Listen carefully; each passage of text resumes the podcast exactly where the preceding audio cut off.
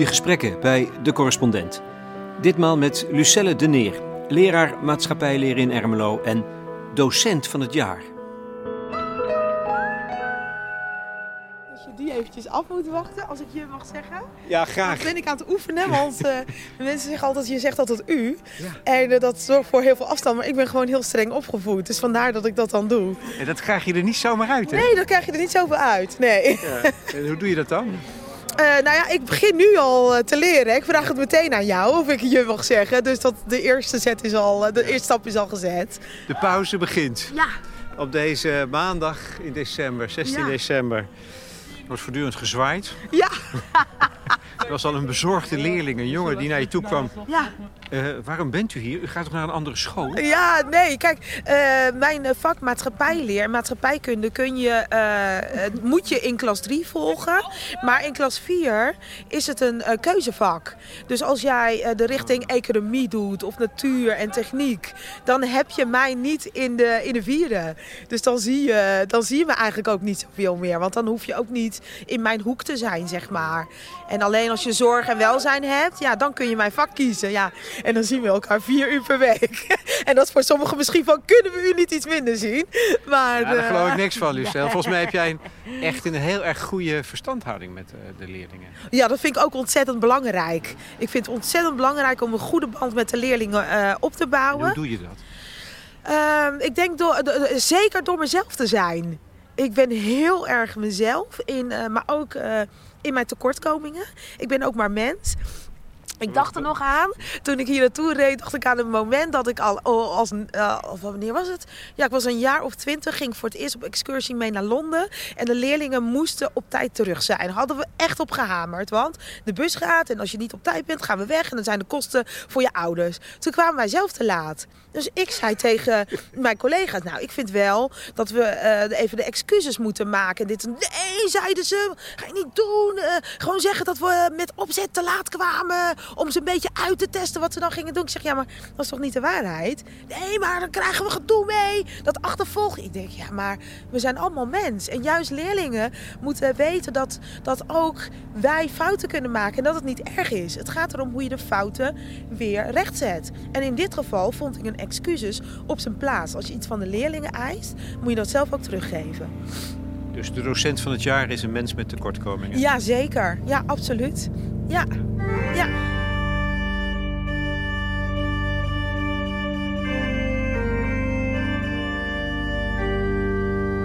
We staan voor de ingang van het Christelijk College Groevenbeek in Ermelo. Lucelle de Neer doseert hier maatschappijleer op de afdeling VMBO. Ze noemt zichzelf een echte VMBO-docent en werd begin dit jaar verkozen tot docent van het jaar in het voortgezet onderwijs vanwege haar drang tot vernieuwing. De school staat aan de Paul Krugerweg. Het is een beetje grauwe dag, ergens tussen Zwarte Piet en Witte Kerstmis in. De Neer is geboren in Paramaribo. Nou, een paar dagen geleden zijn de decembermoorden in Suriname herdacht. Bouterse is veroordeeld. De thema's liggen voor het oprapen. Komen die ook in haar lessen aan de orde? Eh, dat komt elk jaar aan de orde. Je kunt ook eigenlijk niet ehm, eh, ontkomen aan deze discussie. Dat, dat, Dat wil je ook niet, denk ik. En dat wil ik ook niet. Want eh, juist een van mijn grootste voorbeelden, meneer Appes, mijn geschiedenisdocent, daar heb ik heel veel bewondering voor. Juist omdat hij dit soort moeilijke thema's ehm, eh, met ons besprak. En dat had hij niet gehoeven. En daarom bewonder ik ook zo. Als je kijkt naar de geschiedenismethoden, zijn vaak geschreven door de blanke man. Dus die beslist dan ook wat er in die methode komt te staan. Hij is buiten de methode omgegaan om ons dingen te leren over apartheid. Over, om ons dingen te leren over racisme, discriminatie. Ik zag dat hij dacht van ja, ik moet dit doen. Dit hoort erbij, dit is mijn taak. Maar hij bleef steeds naar mij kijken. eh, hoe reageert Lucel? Eh, hoe reageert de klas op Lucel? Want jij nou was, ja, jij ik was, was de enige. enige donkere in, eh, in de tweede fase. En we waren met z'n drieën eh, in klas 4, 5 en 6, zeg maar, HAVO, VWO, waren we met z'n drieën. Dus dat was Waar- waar was dat? bijzonder. Dat was op ISG Arcus in Lelystad. Ja, Dus hij, hij hield jou, hij, heeft, hij, hij gaf les en hij bleef jou aankijken. ja, hij bleef mij echt aankijken van gaat het goed. En dat, ja, dat ben ik hem altijd dankbaar voor geweest. Want ik voelde dat echt wel. Hè? Want Ik heb echt een Nederlandse op, eh, opvoeding gekregen van mijn ouders. Eh, dat zag je bijvoorbeeld aan als er familie op bezoek kwam, moest er alleen maar Nederlands gesproken worden. Alleen maar om ervoor te zorgen dat ik de taal goed zou beheersen. Nou, als ik moe ben, dan hoor je mijn Rotterdamse accent naar boven komen. Maar dat is ook alles wat je, wat je hoort. Maar eh, dat neemt niet weg dat ik wel uit Suriname kom. En dat daar wel mijn roots liggen. Dus dat is wel belangrijk om mee, mee te krijgen. Wat betekent dat? Want ik, ik, ik refereer aan die decembermoorden. Ja. Eh, Bouters is net veroordeeld. Ja. Betekent dat iets voor jou? Ehm, het, het is voor mij meer een herinnering. Want, En het- hoe, want leefde je nog in Suriname? Nee, nee, ik was twee toen we naar Ne-. Nederland kwamen. Maar ik weet wel nog dat mijn ouders heel duidelijk zeiden... als we naar een kapper gingen of wat dan ook... dat was dan een black hair kapper... eh, er mag niet gesproken worden over Boutersen. Je mag niet zeggen. Gewoon de angst die in die tijd leefde... dat als je iets verkeerd zei over Boutersen... dat of je familie in Suriname... of jij hier ja, eh, ja, vermoord zou kunnen worden. Dat was toch wel de angst. Ja. En ik vind het heel belangrijk dat als deze man eh, dit allemaal heeft gedaan, vind ik dat hij gestraft moet worden. En ik erger me er een beetje aan ehm, dat.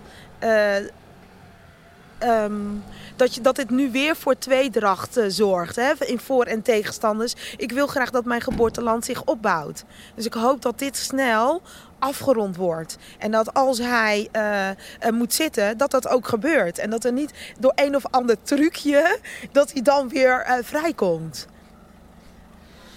En ehm, kerstmis nadert. Als dit wordt uitgezonden hebben we net kerst achter de rug gehad. Maar Ja. nu is het nog de verwachting. Ja. Heeft dat een, eh, een speciale plek in jouw leven? Ja, want wij vierden kerst. Ook al kreeg ik een vrij Nederlandse opvoeding. Wij kregen eh vierden kerst volgens eh, Surinaamse tradities. Dat betekent dat jij het nieuwe jaar echt gaat inluiden. Dat je achter je laat wat er fout is gegaan. En dat je aan de Heer vraagt of het je dit jaar weer goed mag gaan. En dat je mag bedanken voor alle zegeningen. En dat vierden wij traditioneel met een bad. En we- ja, we gingen al dan in bad met allemaal rozenwater en bloemen. Dat is echt een Surinaamse traditie.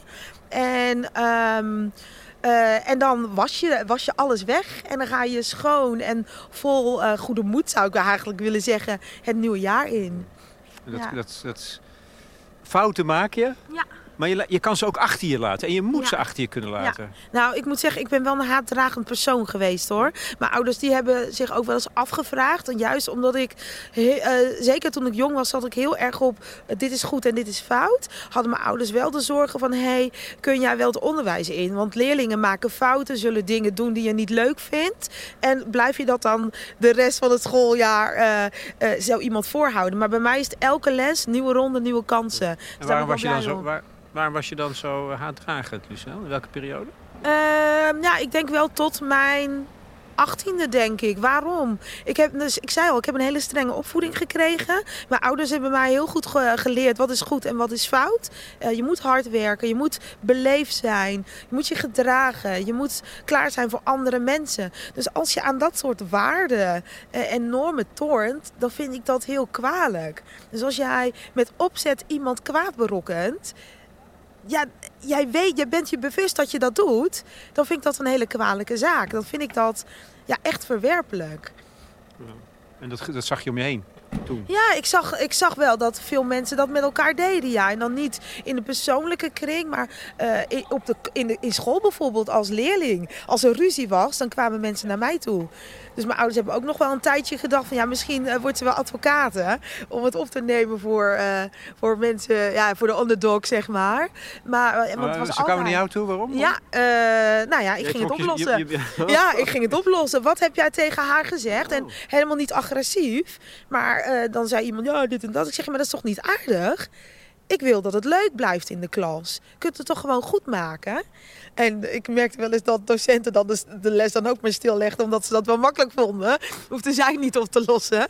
Maar eh, ja, ik heb Ja, het wel toch, gehad. ja, oké, maar toch klinkt dat niet als haatdragend, hè? Dat is een- is een- ik vind het een groot woord. Ja, Dit is juist heel erg oplossingsgericht en, en eigenlijk heel liefdevol. Klopt, klopt. Maar ik kon wel heel lang boos blijven op mensen. En naarmate je ouder wordt, word je ook milder. En leer je ook dat jouw waarheid niet altijd de waarheid hoeft te zijn. En wat belangrijker is dat jij ook geen mens zonder fouten bent. Ja. Dus dat is een langzaam proces Ja. geweest. Want je kan niet zeggen dat er minder haat is in de wereld op het ogenblik, toch? Nee. Minder strijd en minder Nee, polarisering. Nee. We zitten daar middenin. We zitten er middenin, ja. En dat beangstigt me wel eens. Maar daarom ben ik ook wel blij dat ik in het onderwijs zit. Omdat ik in ieder geval binnen mijn lokaal ervoor kan proberen te zorgen dat ik leerlingen leer hoe ze hun eh, mening op een fatsoenlijke, eh, respectvolle manier met elkaar kunnen delen. Dat ze openstaan met hun eh, hart, eh, maar ook met hun hoofd voor mensen die anders zijn, maar niet minder zijn.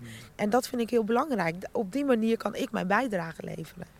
En dat lukt jou ook. Als jij bijvoorbeeld het, het onderwerp van apartheid, hè, Paul Krugerweg, daar Ja. staan we notabene aan, of Ja. Zwarte Piet aan de orde stelt. Ja. Moet je dan weerstand overwinnen in je klas? Oh ja, ik weet het nog wel. Eh, ik kwam hier werken en toen was het vrij eh, traditioneel, vond ik dan zelf. En eh, dus ik kwam in een lokaal met de tafeltjes twee aan twee. Zo geef ik absoluut niet, geen les. En ik denk, ja, ik ga het ook niet zo doen. Ik had ze gewaarschuwd.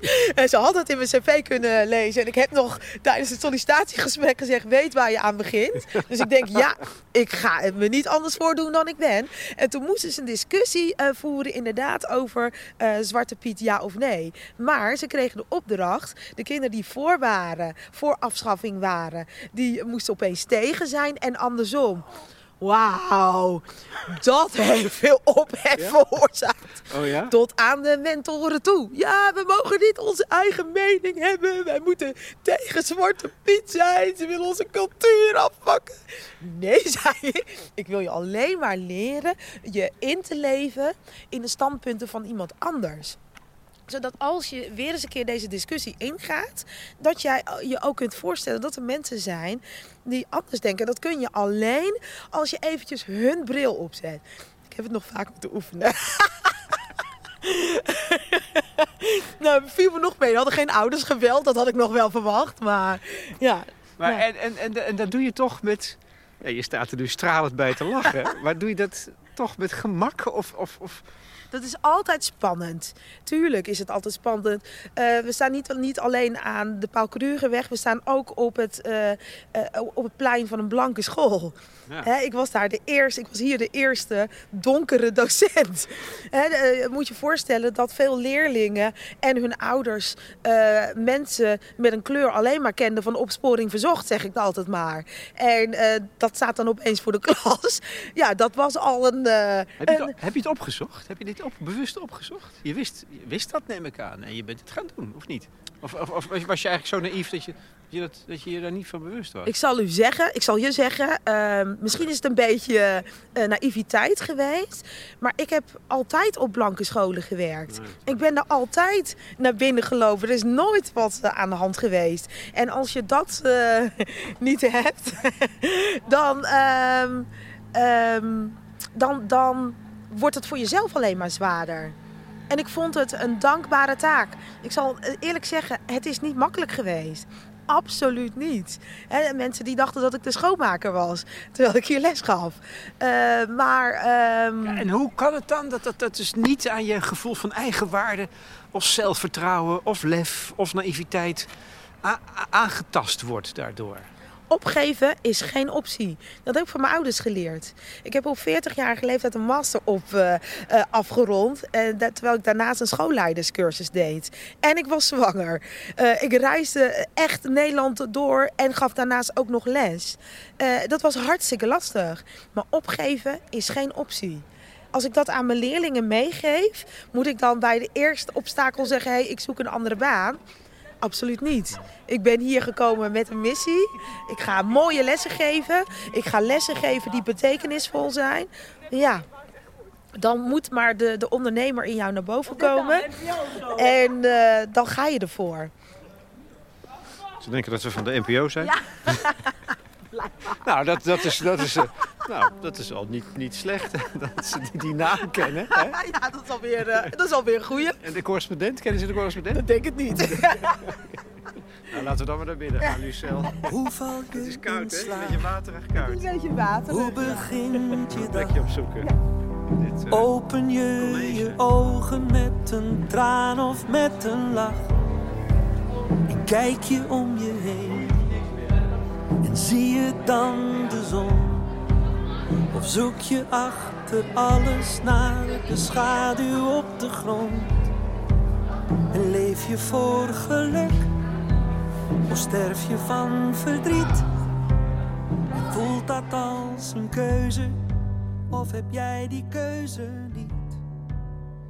In de lerarenkamer. Oh, dat heet, dat heette vroeger bij ons lerarenkamer. Ja, en ik blijf het heel koppig medewerkerskamer eh, noemen. Omdat ik vind dat dit een kamer is voor iedereen die een bijdrage levert aan het leerproces. Eh, de, de, de dames uit de bibliotheek, de conciërge die hier alles maken. De, de, de schoonmaak die ervoor zorgt dat we schone toiletten en alles hebben. Alles wat maakt dat wij hier ons werk kunnen doen en dat onze kinderen hier kunnen leren. Dus het is een medewerkerskamer. En ik blijf het zeggen. Leerlingen, die, als, ik ze, als ik zeg, dat, daar is de medewerkerskamer, denken ze... Ze heeft het toch gewoon over de leraarkamer? Nee, medewerkerskamer, roep ik dan nog. Kijk, dit was de tweede bel. De tweede bel gaat. Ja. Je geeft vandaag geen les? Nee, vandaag geef ik geen les. Op de maandag werk ik eh, aan mijn app.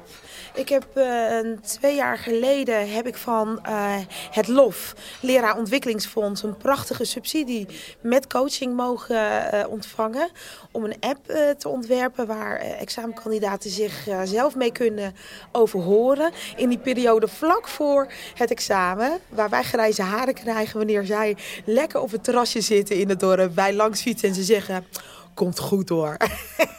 en wij denken, je moet eigenlijk gewoon gaan leren. En dan heb je een app en dan eh, kunnen ze eigenlijk ook op het terras lekker eh, door middel van een spel zichzelf overhoren eh, met echte examenvragen. Die heb jij bedacht, hè? Ja, dat heb ik bedacht, ja. Het is eigenlijk een soort van doorontwikkeling. Wij kregen in Hilversum kregen wij inspectiebezoek. En dat ging niet goed met onze school. En dat ging eh, eh, echt wel zo slecht dat we onze licentie misschien zouden moeten inleveren. Als het niet beter ging. Dus er kwam een heel groot eh, vernieuwingsplan. Echt eh, eh, major, zeg maar. En ehm, de, mijn vakgroep maatschappijleer vertrok eigenlijk vanuit een hele gunstige positie. Stonden er goed voor. Maar er was één onderdeel. En dat was het maatschappelijk vraagstuk. Waar we best nog wel wat meer omhoog konden. En dat was het gedeelte waar- waarvoor het heel erg belangrijk was dat leerlingen naar het nieuws keken. En of de, of de krant gingen lezen. Nou, dat gebeurde niet. Nou ja, het gebeurde wel. Ze keken RTL Boulevard en dat soort dingen. Dat zagen zij dan als nieuws. Eh, en dat is natuurlijk voor hen ook nieuws. Voor hen heeft het nieuwswaarde, laten we wel wezen. Maar dat was nou net niet het nieuws dat op het examen maatschappijleer teruggevraagd wordt. En toen kwam ik met het eh, Facebook-spel. Dus ze konden drie keer eh, per week mochten ze een vraag via Facebook beantwoorden. De eerste met het juiste antwoord kreeg drie punten. De tweede twee punten. En iedereen die voor 12 uur s'nachts ook het juiste antwoord gaf, kreeg één punt. En als ze 20, nee, toen waren het er wel meer, iets van 60 punten hadden, dan eh, kregen ze een punt cadeau op de toets. Ja, nou, ze gingen. ja, ja, ze gingen echt, ja. ja. Dat is slim. Nou, ik, eh, ik ben heel erg creatief. Daar ben ik eigenlijk alleen later pas opgekomen. Dat ik, eh, ik, zou mezelf eerder nooit als creatief omschreven hebben. Maar eh, ja, ik ben het dus wel. en daar maak ik gebruik van. Oké, maar dat is interessant. Ja. Want, omdat, je met, omdat je als school met de rug tegen de muur stond, Ja. Wordt dus iets als die creativiteit, die onvermoede creativiteit Ja. aangeboord. Ja, dat klopt. Maar ik moet wel eerlijk zeggen, ik heb hiervoor, eh, op, daarvoor heb ik op een Daltonschool gewerkt in Almere. En daarin werd eh, van ons eh, ook wel verwacht dat je out of the box ging denken. En daarbij was bijvoorbeeld echt verboden om alleen maar het boek als leidraad te gebruiken. En eh, er werd echt van ons verwacht dat je eh, leiderschap toonde als docent. Want die, ja, dezelfde leiderschap op een ander punt werd natuurlijk ook van de leerlingen verwacht.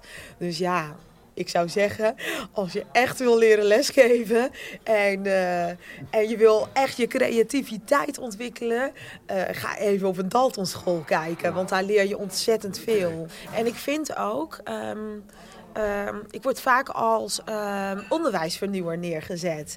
En dan denk ik, ja, vernieuwen, vernieuwen. Eh, vernieuwen geeft ook een beetje weer naar mijn gevoel dat je het oude achter je laat. Maar als je kijkt naar hoe ik lesgeef, heb ik hele traditionele dingen. Eh, als leerlingen bij mij in de les komen, schudden we elkaar de hand.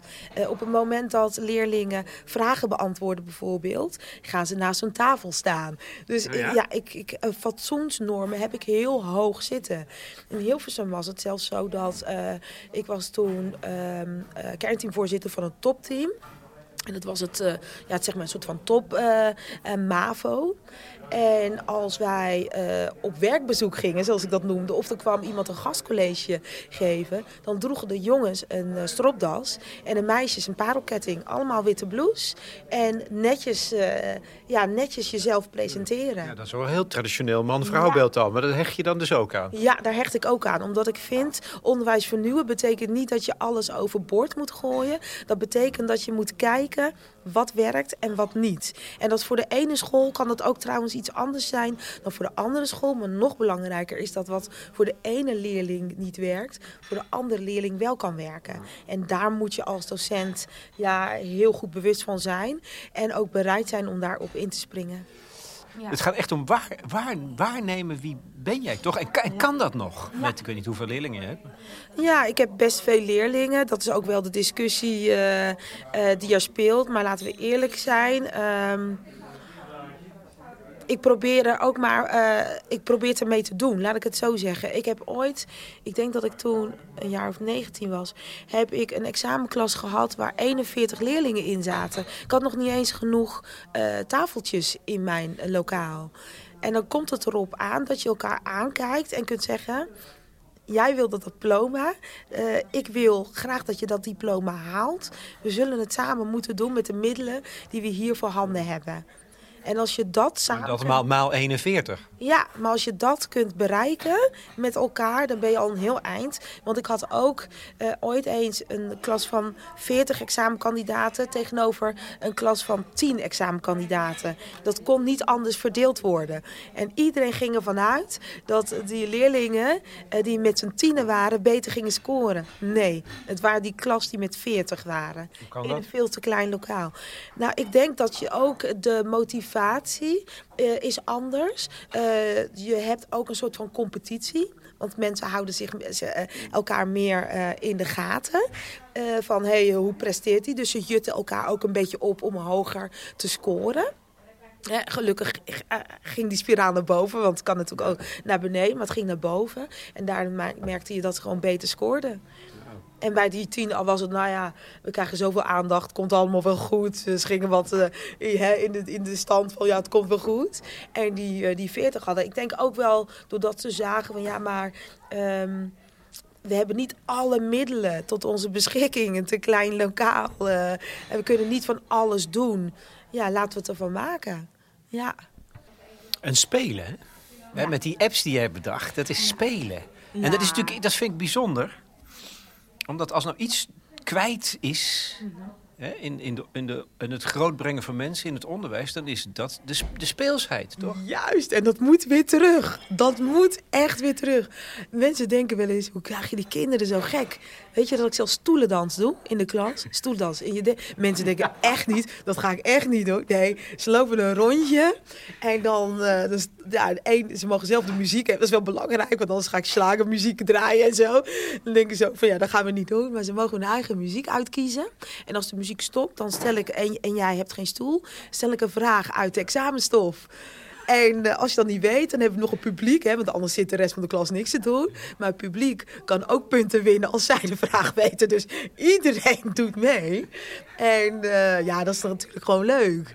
En ik moet wel zeggen, het is in combinatie met een spaarkaart. Want wij Nederlanders houden van sparen. Dus toen dacht ik, ik ga ook een spaarkaart maken. Dus ik had een spaarkaart met zegeltjes. En als ze dan iets goed hebben gedaan, dan uh, krijgen ze aan het eind van de les een zegeltje. En als ze dan tien punten hebben, dan kunnen ze uit mijn grabbelton niet uitkiezen. En dat varieert van doekjes om hun iPad schoon te maken. Pennen die ze nooit bij zich hebben, terwijl ze die wel elke les nodig hebben. Dat soort dingen. Maar dat spelen, dat is ja, geweldig. Maar ja, daar, heb, je dus de ruimte voor. Want je, zit je niet vast in een curriculum en een... ja, natuurlijk. Maar ik ben altijd zo geweest. Ik denk, ik denk af en toe wel eens van... Uh, het zal ook wel moeilijk zijn voor schoolleiders om mij in een team te hebben.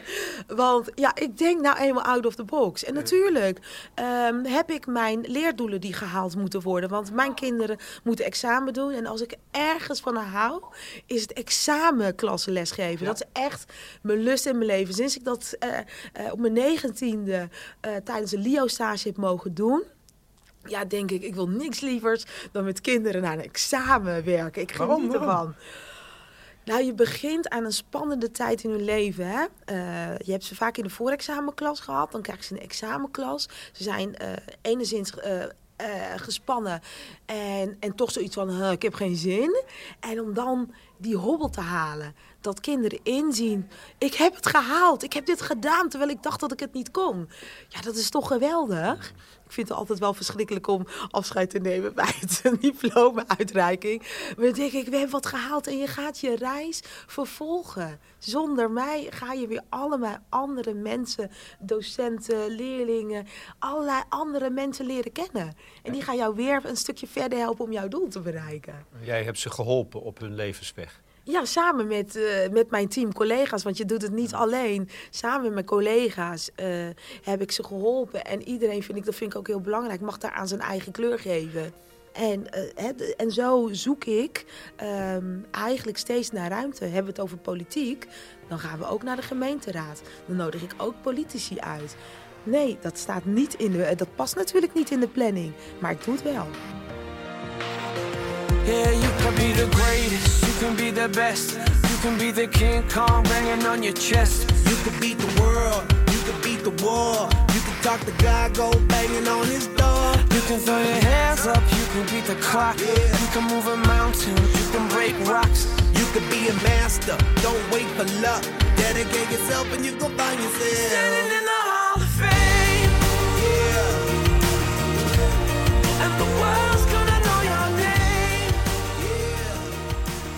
Je zei net, ik ben een, ik ben een echte VMBO-docent.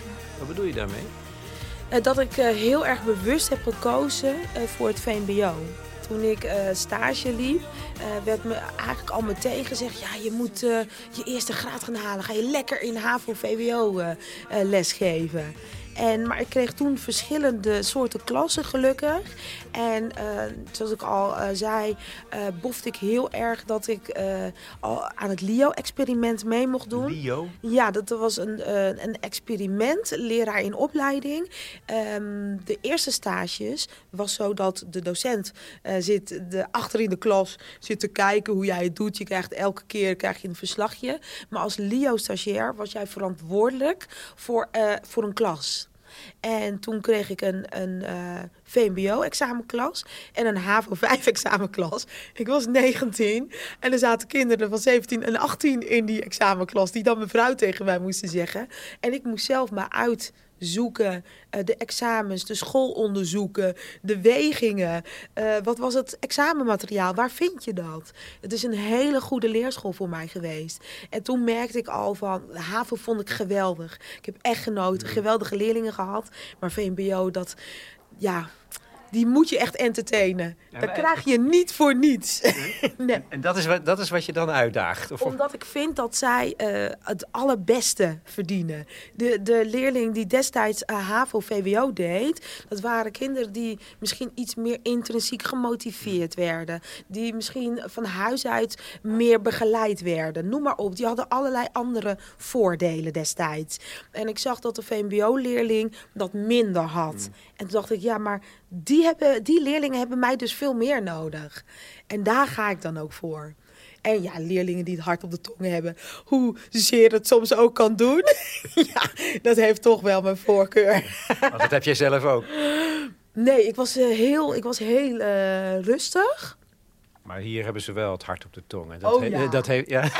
oh ja, zeker Geef een voorbeeld dan. Nou, ik weet nog dat, uh, dat ik op de Daltonschool werkte. Mijn eerste week was dat. En uh, toen ging ik een presentatie doen. Ja, ik wist niet beter. Ik denk, zeker op een Daltonschool kunnen ze natuurlijk al heel goed presenteren.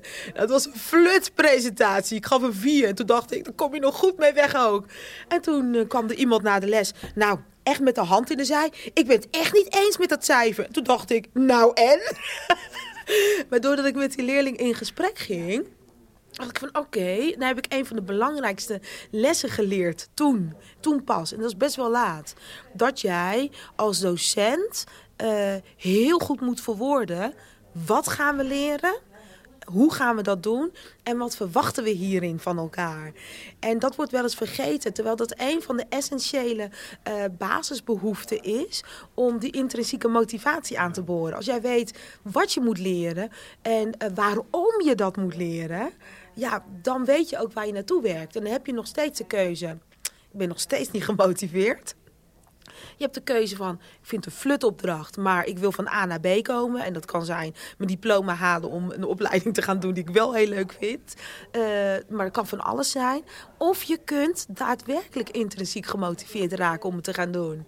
En dan heb je ze. Maar dan moet je wel vertellen en delen waarom je dat moet doen. Dus dat vind ik wel heel belangrijk. heb ik toen geleerd. Ja, ja, dus je kan ook van je eigen leerlingen leren. Absoluut. Ik zit soms wel zelf in de klas. Dan staat de leerling voor de klas. En dan denken mensen, wat gebeurt hier? Ik ga nu meteen naar Groevenbeek bellen. Nee.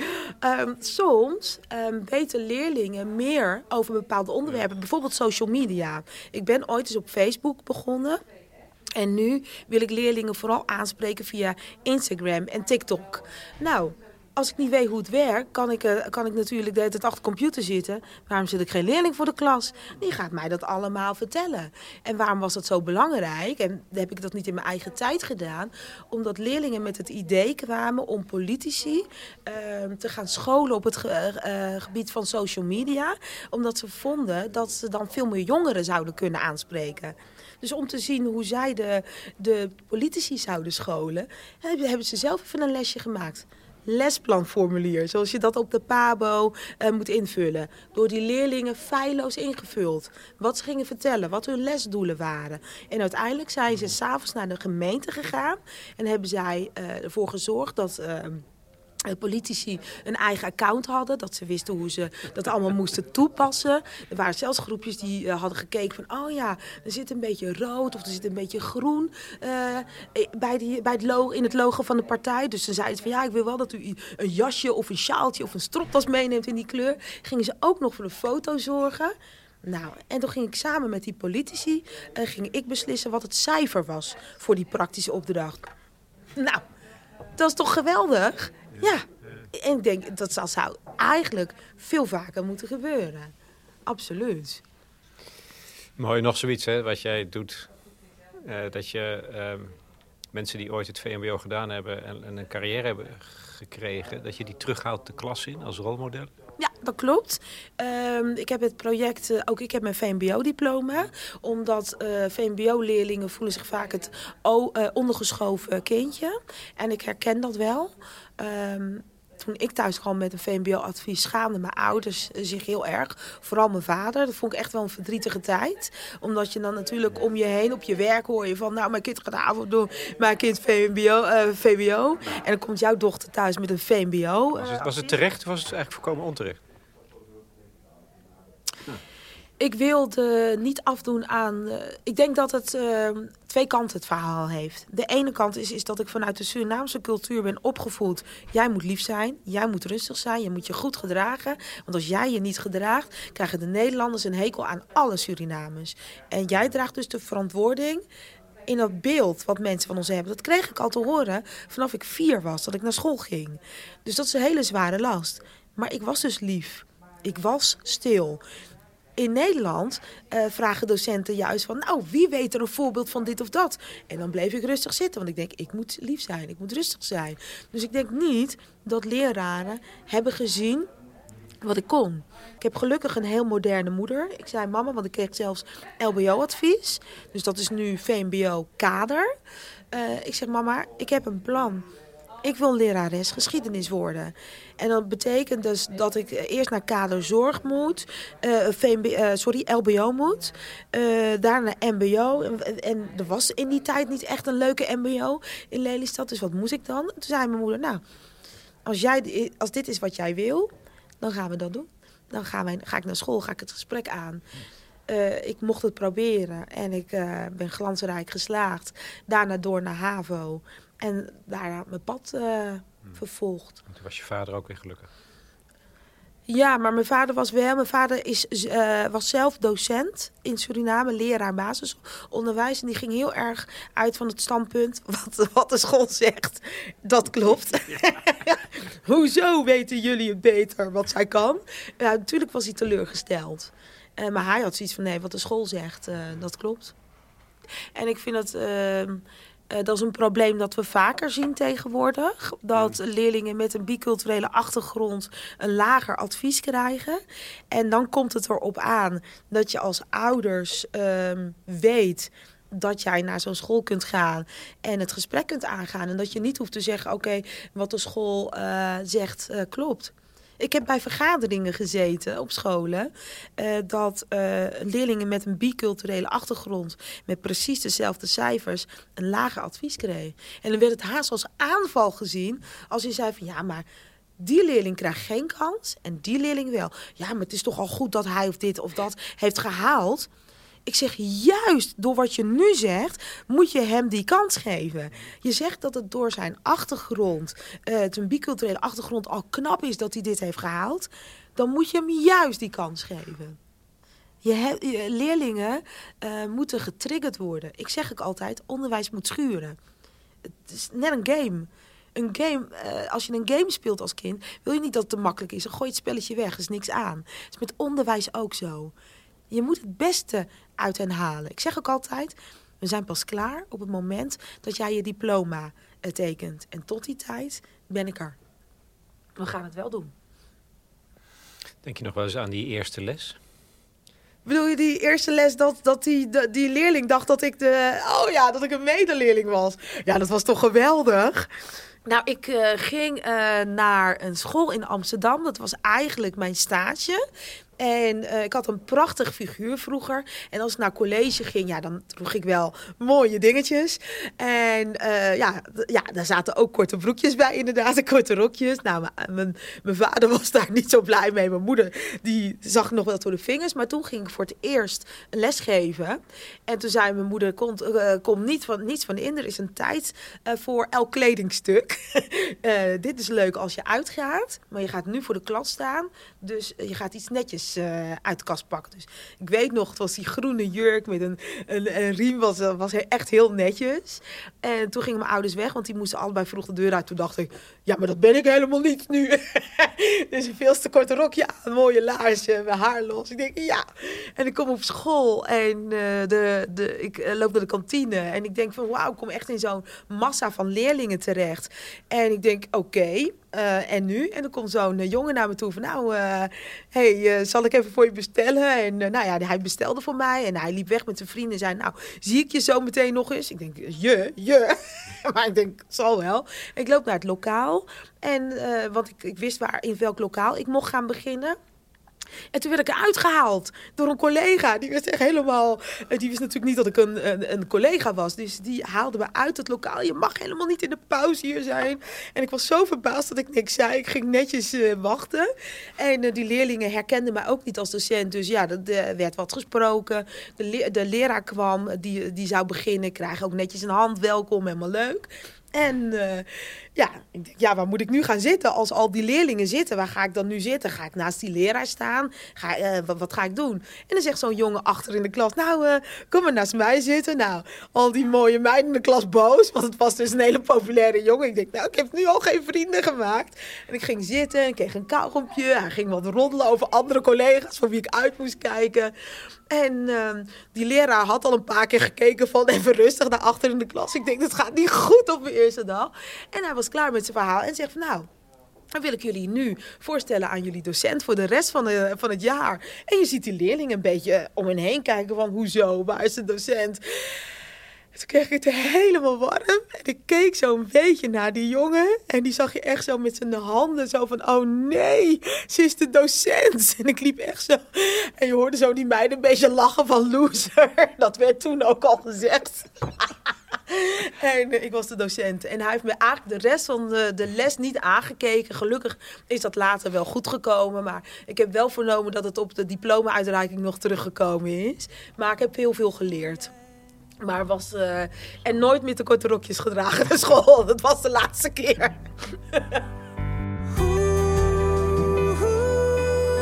mooi kan het leven zijn. Het is maar hoe je kijkt. Het is maar wat je doet. Hoe, hoe mooi is jouw werkelijkheid. Jij bent net zo rijk zo rijk als je je voelt. Ik zeg ook altijd ehm, feitjes en jaartallen voor bijvoorbeeld uh, mijn vakgeschiedenis kun je opzoeken. Maar hoe je je moet gedragen, hoe je als integer mens in het leven staat, hoe je je mening eh, op een nette, eh, sympathieke manier verwoordt waarin je wel duidelijk bent en je eigen mening mag hebben, maar de ander niet kwetst. Dat zijn waarden die gaan nooit verloren. Laatste onderwerp, Lucel. Je bent docent uh, maatschappijleer, nota bene. Volgens mij ben je ook lid van de PvdA en zit je in de fractie van de gemeenteraad in uh, Harderwijk. In Harderwijk, ja. En ik ben raadsopvolger. Hè. Dus het betekent dat ik geen gemeenteraadslid ben, maar dat ik wel mag helpen de vergaderingen voor te bereiden. Ja. Dus je hebt ook een politiek wereldbeeld, wat even zo, mm zo een politieke visie. Ja. Um, um, wat leer je je leerlingen over de wereld waarin we leven?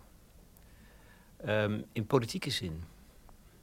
Nou, ik hou dat altijd heel breed. Mensen vragen zich wel eens af van... God, zijn jouw lessen uh, hierdoor niet uh, gekleurd? Nee. Uh, durf ik uh, heel oprecht ja. te zeggen. Want ik wil, al was het alleen al voor het examen, dat ze het hele palet kennen. Ja. Wat ik het belangrijkste vind, is dat leerlingen een eigen keuze maken. Dus dat zij leren waar staat elk partij voor en wat is belangrijk voor mij daarin. En dat is wat ik ze leer. Dus als er maatschappelijke vraagstukken op televisie komen, dan hebben we het daarover. En dan belichten wij het vanuit verschillende politieke standpunten. Dan is mijn vraag, vraag ook vaak van, goh, maar wat zou een linkse partij of een rechtse partij of een middenpartij, waar we trouwens haast niet meer van kunnen spreken, omdat iedereen zo'n beetje in elkaar opgaat. Maar uh, vanuit die invalshoek benader ik het. Ja, ja.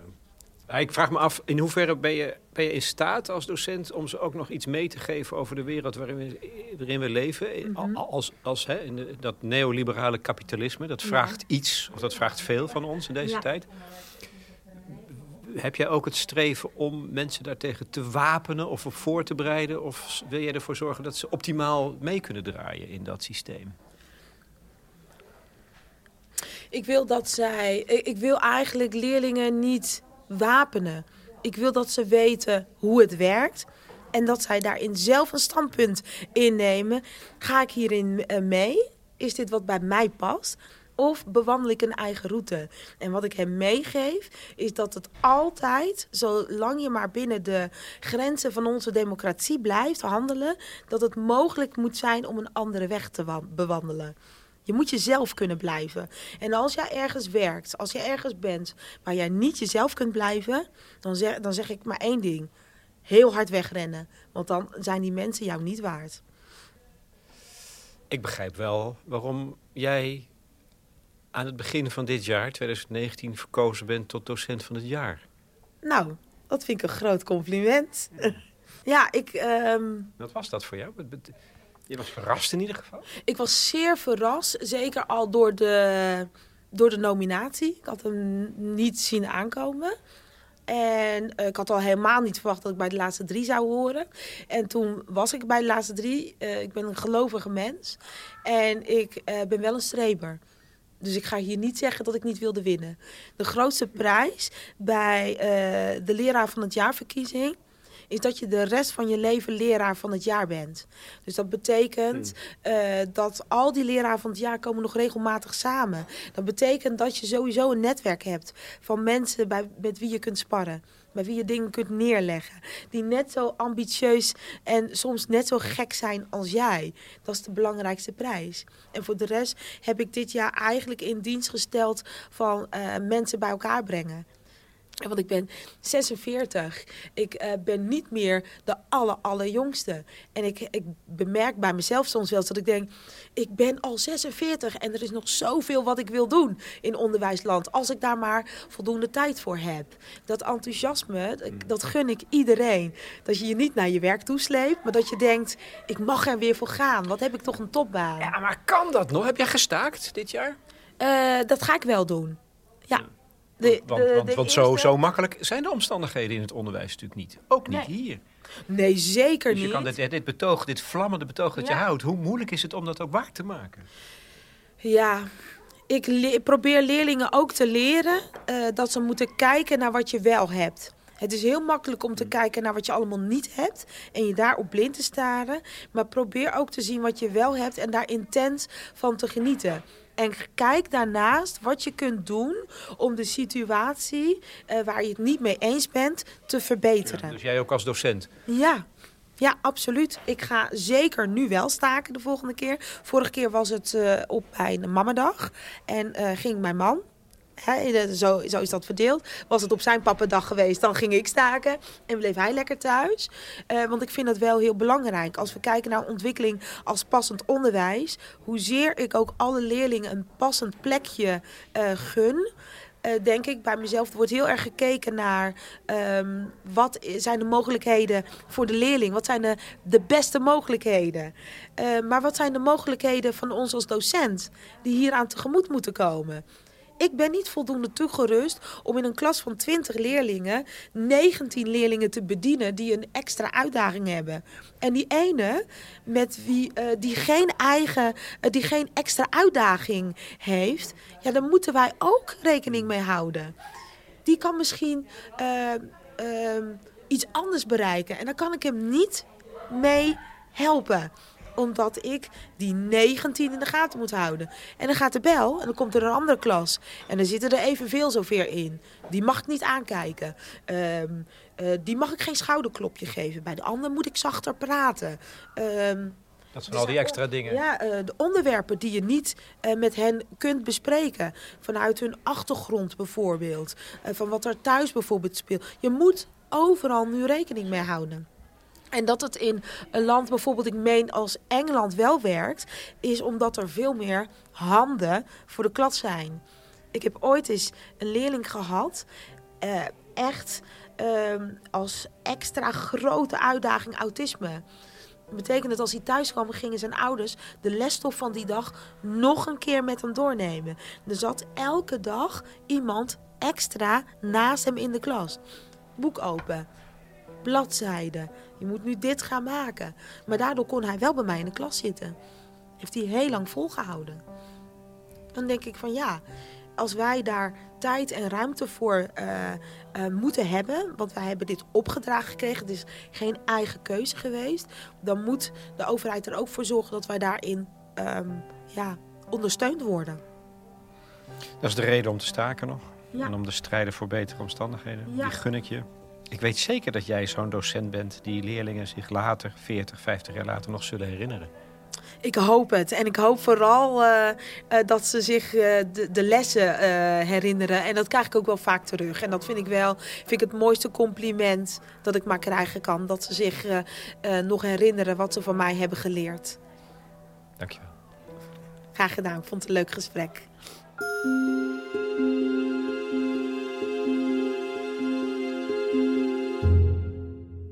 Lucelle de Neer in gesprek met Lex Bolmeijer. Ze geeft les aan het Groevenbeek College in Ermelo en was en zal zijn docent van het jaar voortgezet onderwijs. Als jullie vragen hebben of suggesties of in discussie wilt gaan met Lucelle, dan kan dat op het platform van de correspondent. Als je lid bent, dan heb je toegang. Ja, ach, dat kost maar zeventientjes per jaar. Dan steun je bovendien onze journalistiek voorbij de waan van de dag. Misschien een goed idee voor volgend jaar? Is voor podcastliefhebbers heel veel te beluisteren. Ik gebruikte lievelingsmuziek van Lucelle de Neer, Hall of Fame van The Script en een liedje van Marco Borsato. Dat vat het wel zo'n beetje samen. Mooi.